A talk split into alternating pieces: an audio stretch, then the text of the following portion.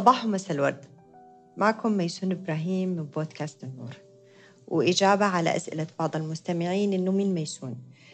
في دي المرحلة أنا بزاول مهنة إدارة الاستثمارات وبالإضافة إلى أني coach معتمد من ال International Coaching Federation اللي هي هيئة ال coaching آه، الدولية اللي موجودة في أمريكا آه، علشان بقدم استشارات في العلاقات الشخصية وعلاقتك مع المال وكيفية بناء ثروة بالإضافة إلى إدارة التغيير وتمكين المرأة. فأنا بعمل جلسات فردية وجماعية في هذه المواضيع المختلفة. آه قبل 11 شهر أخذت قرار وكان هذا القرار غريب بالنسبة لي وبالنسبة للناس اللي حوالي. قررت أني أخذ كلاس رسم وأرسم لوحة.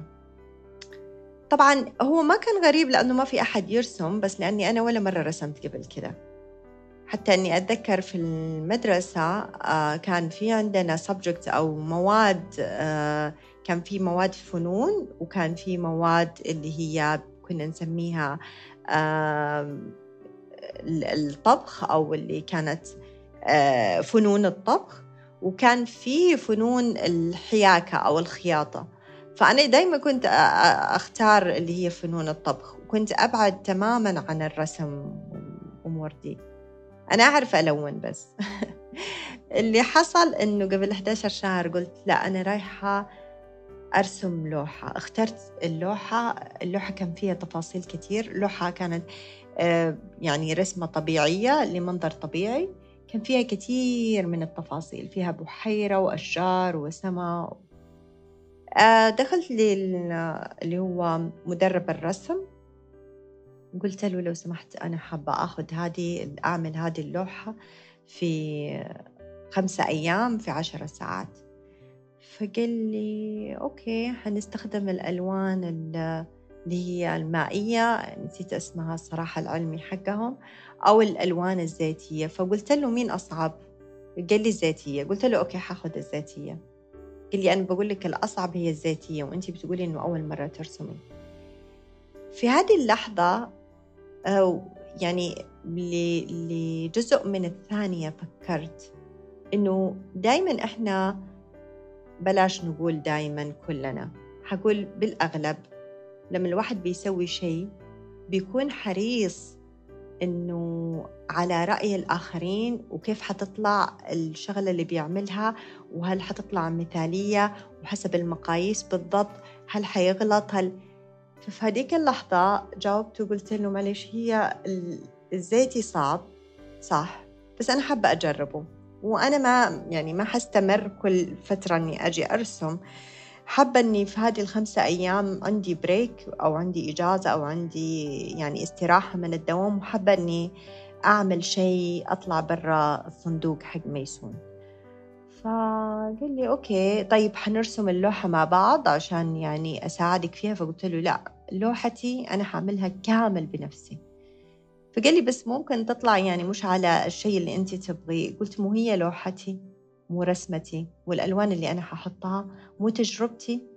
خليني أستخدمها يعني أستخدم هالتجربة وكل ال ال الأمور اللي موجودة حواليا وأطلع اللوحة بالشكل اللي تطلع. وهي في الأخير لوحة ميسون هي مش لوحة الرسام اللي رسمها بالأساس ولا لوحة الشخص اللي بيدربني.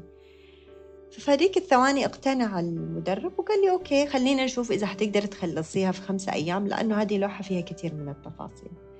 أنا الآن بسجل واللوحة كاملة قدامي. ولا أنا ولا أحد صدق إنه هذه اللوحة رسمها الشخص بعد كل دي السنوات بدون ما يرسم قبل كده بريشة وألوان زيتية. آه لما نلتزم بالمثالية ونلتزم بالتفاصيل اللي يبوها الناس مننا. بننسى نفسنا وبننسى كلمة إبداع. اليوم الحلقة الثانية من رحلتنا لعالم الإبداع. الإبداع دايما هو عكس المثالية على الأقل بالنسبة لي أنا. لأنه كل شيء مثالي هو بيكون شيء فيه تفاصيل كثير على ذوق الناس. لما أي أحد فينا يسوي آه في وظيفته مهمة بشكل مثالي في البيت تعملي أكلة بشكل مثالي تربي أولادك بشكل مثالي. مثالي حسب مين؟ يعني وين البنش مارك وين ال ال ال النموذج اللي أنا بتبعه؟ ومين قال إنه إحنا كلنا لازم نكون حسب هذا النموذج. وين الاختلاف؟ وين التميز؟ وين الإبداع؟ لما كل فإذا أنت حابب تقيس حياتك كم فيها إبداع؟ وكم فيها مثالية؟ هم عكس بعض. لما تزيد المثالية حيكون الإبداع شبه اختفى. ولما يزيد الإبداع حتكون المثالية. يمكن تلاشت بس حيكون عندك نوع مختلف من المثالية اللي هو التميز الاختلاف. اللي صاير أنه لفترات طويلة كل اللي حوالينا بيملوا علينا إيش نعمل. كيف طريقة الأكل كيف حتى صناعة الأكل أو الطبخة كيف طريقة اللبس إيش الألوان اللي لازم نستخدمها والأماكن اللي لازم نلبس فيها وإيش نلبس وإيش ما نلبس. تفاصيل كتير كتير. آه وهذا مع الوقت بيخنق فطرة الإبداع اللي موجودة في كل واحد فينا. كل واحد فينا كان عنده أنا مؤمنة إنه كل إنسان فينا كان عنده نقطة إبداع انطلق منها في طفولته. لو طالعنا في كل طفل حنلاقي كل واحد بيلعب بطريقة مختلفة بياكل بطريقة مختلفة وبيلون لو أعطينا له ألوان وأوراق بطريقة مختلفة وبيرسم بطريقة مختلفة. كل واحد فيهم بي عنده انعكاس للعالم الخارجي داخليا وبيطلعه مرة تانية بشكل إبداعي مختلف.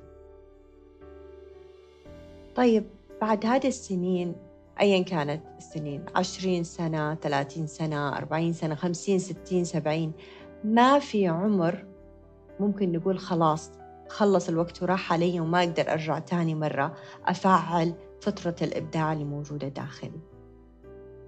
في أي لحظة أنت جاهز أنك ترجع تكون مبدع؟ لأنه أصلا الإبداع ما يحتاج أي تولز أو أدوات ولا أي خبرات. الإبداع أنك تصنع شيء أصلا ما تسوى من أول أو بتصنعه بشكل مختلف. فما في نموذج لازم تمشي عليه. ما في خبرة لازم تسوي زيها علشان تقدر تكون مبدع. فالفكرة من الحلقات اللي أنا بقدمها في رحلتنا للإبداع علشان أبغى نرجع للحياة. لما بشوف أغلب الناس اللي حواليا في الدوام في البيت كلنا بنسوي نفس الشيء من الصباح لآخر المساء عشان ننام عشان نرجع بكرة نسوي نفس الشيء صار الوقت إنه نرجع ندخل بعض اللحظات اللي لما كنا أطفال كنا بنستمتع فيها جدا. بعض لحظات الإبداع مرة تانية. وزي ما قلت ما في حاجة اسمها ما في وقت راحت عليا مش في ذا العمر كل شيء ممكن في اللحظة اللي أنت بتقرر أنك تعمل فيها هذا الشيء. فحاطي بعض التمارين اللي تحاول ترجع تنعش وترجع أو بلاش ترجع هي الفطرة موجودة الإبداع موجود بس نشيل الغبار اللي عليه نلمعه من جديد يطلع من جديد نتنفسه من جديد نقدر نتنفسه من جديد. اليوم حنعطي تمرينين. التمرين الأول اللي هي ثلاثة صفحات الصباح. أول ما تصحى في الصباح أول ما تصحي في الصباح أول شيء نسويه نكتب ثلاث صفحات بمقاس A4 الأبيض. يعني أنا بفضل إنه تكون الورقة مش مخططة بس بأي شكل من الأشكال ما حنعمل كثير قيود. خلينا نكتب ثلاث صفحات. هذه الثلاث صفحات إيش الشروط حقتها؟ أول شيء إني أكون في مكان آمن بالنسبة لي. يعني ما في أحد حيدخل علي ما في أحد حيزعجني ما في أحد حيقطع كتابتي وأنا بكتب هالثلاث صفحات. ثاني شيء إنه هذه الثلاث صفحات بعد ما أنتهي منها ما حاحتفظ فيها حقطعها وأرميها. ثالث شيء إني ما راح أقرأ هذه الثلاث صفحات بعد ما أخلص منها وما راح أخلي أحد يطلع عليها. طيب إيش المحتوى في الثلاث صفحات؟ أي شيء يخطر على بالك في ديك اللحظة في اللحظة اللي أنا بكتب فيها. أي شيء يخطر على بالي. اللي أنا بسويه هنا في هذه الثلاث صفحات مع إني أنا ما أحب أشرح إيش اللي بيصير بالضبط أحب الناس تجربها. بس اللي أبغى أقوله إنه إحنا بنفرغ كل الأفكار والمشاعر الموجودة اللي في لحظة معينة في حياتي. علشان بعد ما أفرغ أنا كل شيء حيصير عندي صفاء ذهني ونقاء داخلي في روحي. حيرجع مرة تانية كأني بألمع كأني بأرتب كأني بشيل الأشياء اللي ما أحتاجها الآن. هذه الأفكار والمشاعر اللي أنا بكون بكتبها ممكن تكون حلوة ممكن تكون إيجابية ممكن تكون سلبية ممكن تكون مخيفة ممكن تكون حزينة ممكن تكون ولا شيء. المهم أني أستمر في كتابة الثلاث صفحات بدون ما أشيل القلم عن الورق. فكل ما أنا بأكتب وصلت عند لحظة لقيت بالذات في بداية التمرين يعني ب ب في الأسبوع الأول حلاقي إني لحظات ما في شيء أقوله أو ما في شيء أكتبه أو بصير شوية مرتبك هو أنا إيش حأكتب. فأكتب كلمة عبارة مو لاقي شيء أكتبه مو لاقي شيء أكتبه. فجأة حتلاقي إنه استرسلت من أول وجديد الكلمات والأحرف والعبارات ورجعت مرة تانية تندثر على الأوراق رجعت مرة تانية تنكب على الأوراق. فهذه التمرين الأول. التمرين الثاني اليوم في الوقت المناسب. سواء كنتم بتسمعوني في الصباح فبعد دواماتكم أو بعد انتهائكم من المسؤوليات المنزلية أيا كان الوقت اللي بتسمعوني فيه. إذا كنتم بتسمعوني في المساء وصار عندكم وقت مناسب إنكم تعملوا التمرين الثاني اللي حقول لكم إياه اللي هو إنكم تكتبوا 25 حاجة. كنتوا حابين تعملوها أو تحبوا تسووها؟ لو إنكم ابتعدتوا عن كل آراء الآخرين وما شلتوا هم إيش حيقولوا عني؟ يعني أرجع مرة تانية أقول التمرين. حنكتب 25 شغلة أو حاجة أو أمنية أو رياضة أو آه، فكرة. أو يمكن بزنس حابب أعمل هذه الشغلة بس دايما كنت شايل هم كلمة إيش يقولوا عني. لأنه بالضبط هذه الكلمة هي اللي بتقتل الإبداع في مهده. كلمة أو فكرة اللي دايما بترن في بالنا ككلمة إيش راح يقولوا عني لو سويت كده. إيش راح يقولوا عني لو شافوني كده؟ إيش راح يقولوا عني لو مارست هذه الرياضة؟ إيش راح يقولوا عني لو سبت وظيفتي وبدأت الوظيفة هذه؟ إيش راح يقولوا عني لو بدأت هذا البزنس؟ إيش راح يقولوا عني لو بلبس هذه الألوان؟ إيش راح يقولوا عني؟ نبغى نشيل هالفكرة تماما. والمرة واحدة بدون خوف لأنه أنت مع نفسك لوحدك في غرفة بتكتب 25 حاجة وبتستثني فكرة إيش راح يقولوا عني وشوفوا الأفكار الإبداعية اللي حتطلع لكم في ال 25 هذه. شوفوا قد إيش روحكم تواقة لأشياء كتير. بنحرم نفسنا منها عشان المثالية عشان النمذجة علشان إيش يقولوا عني لو عملت كذا. لو عجبكم المحتوى أتمنى أنكم تشاركوه مع الناس اللي يهموكم.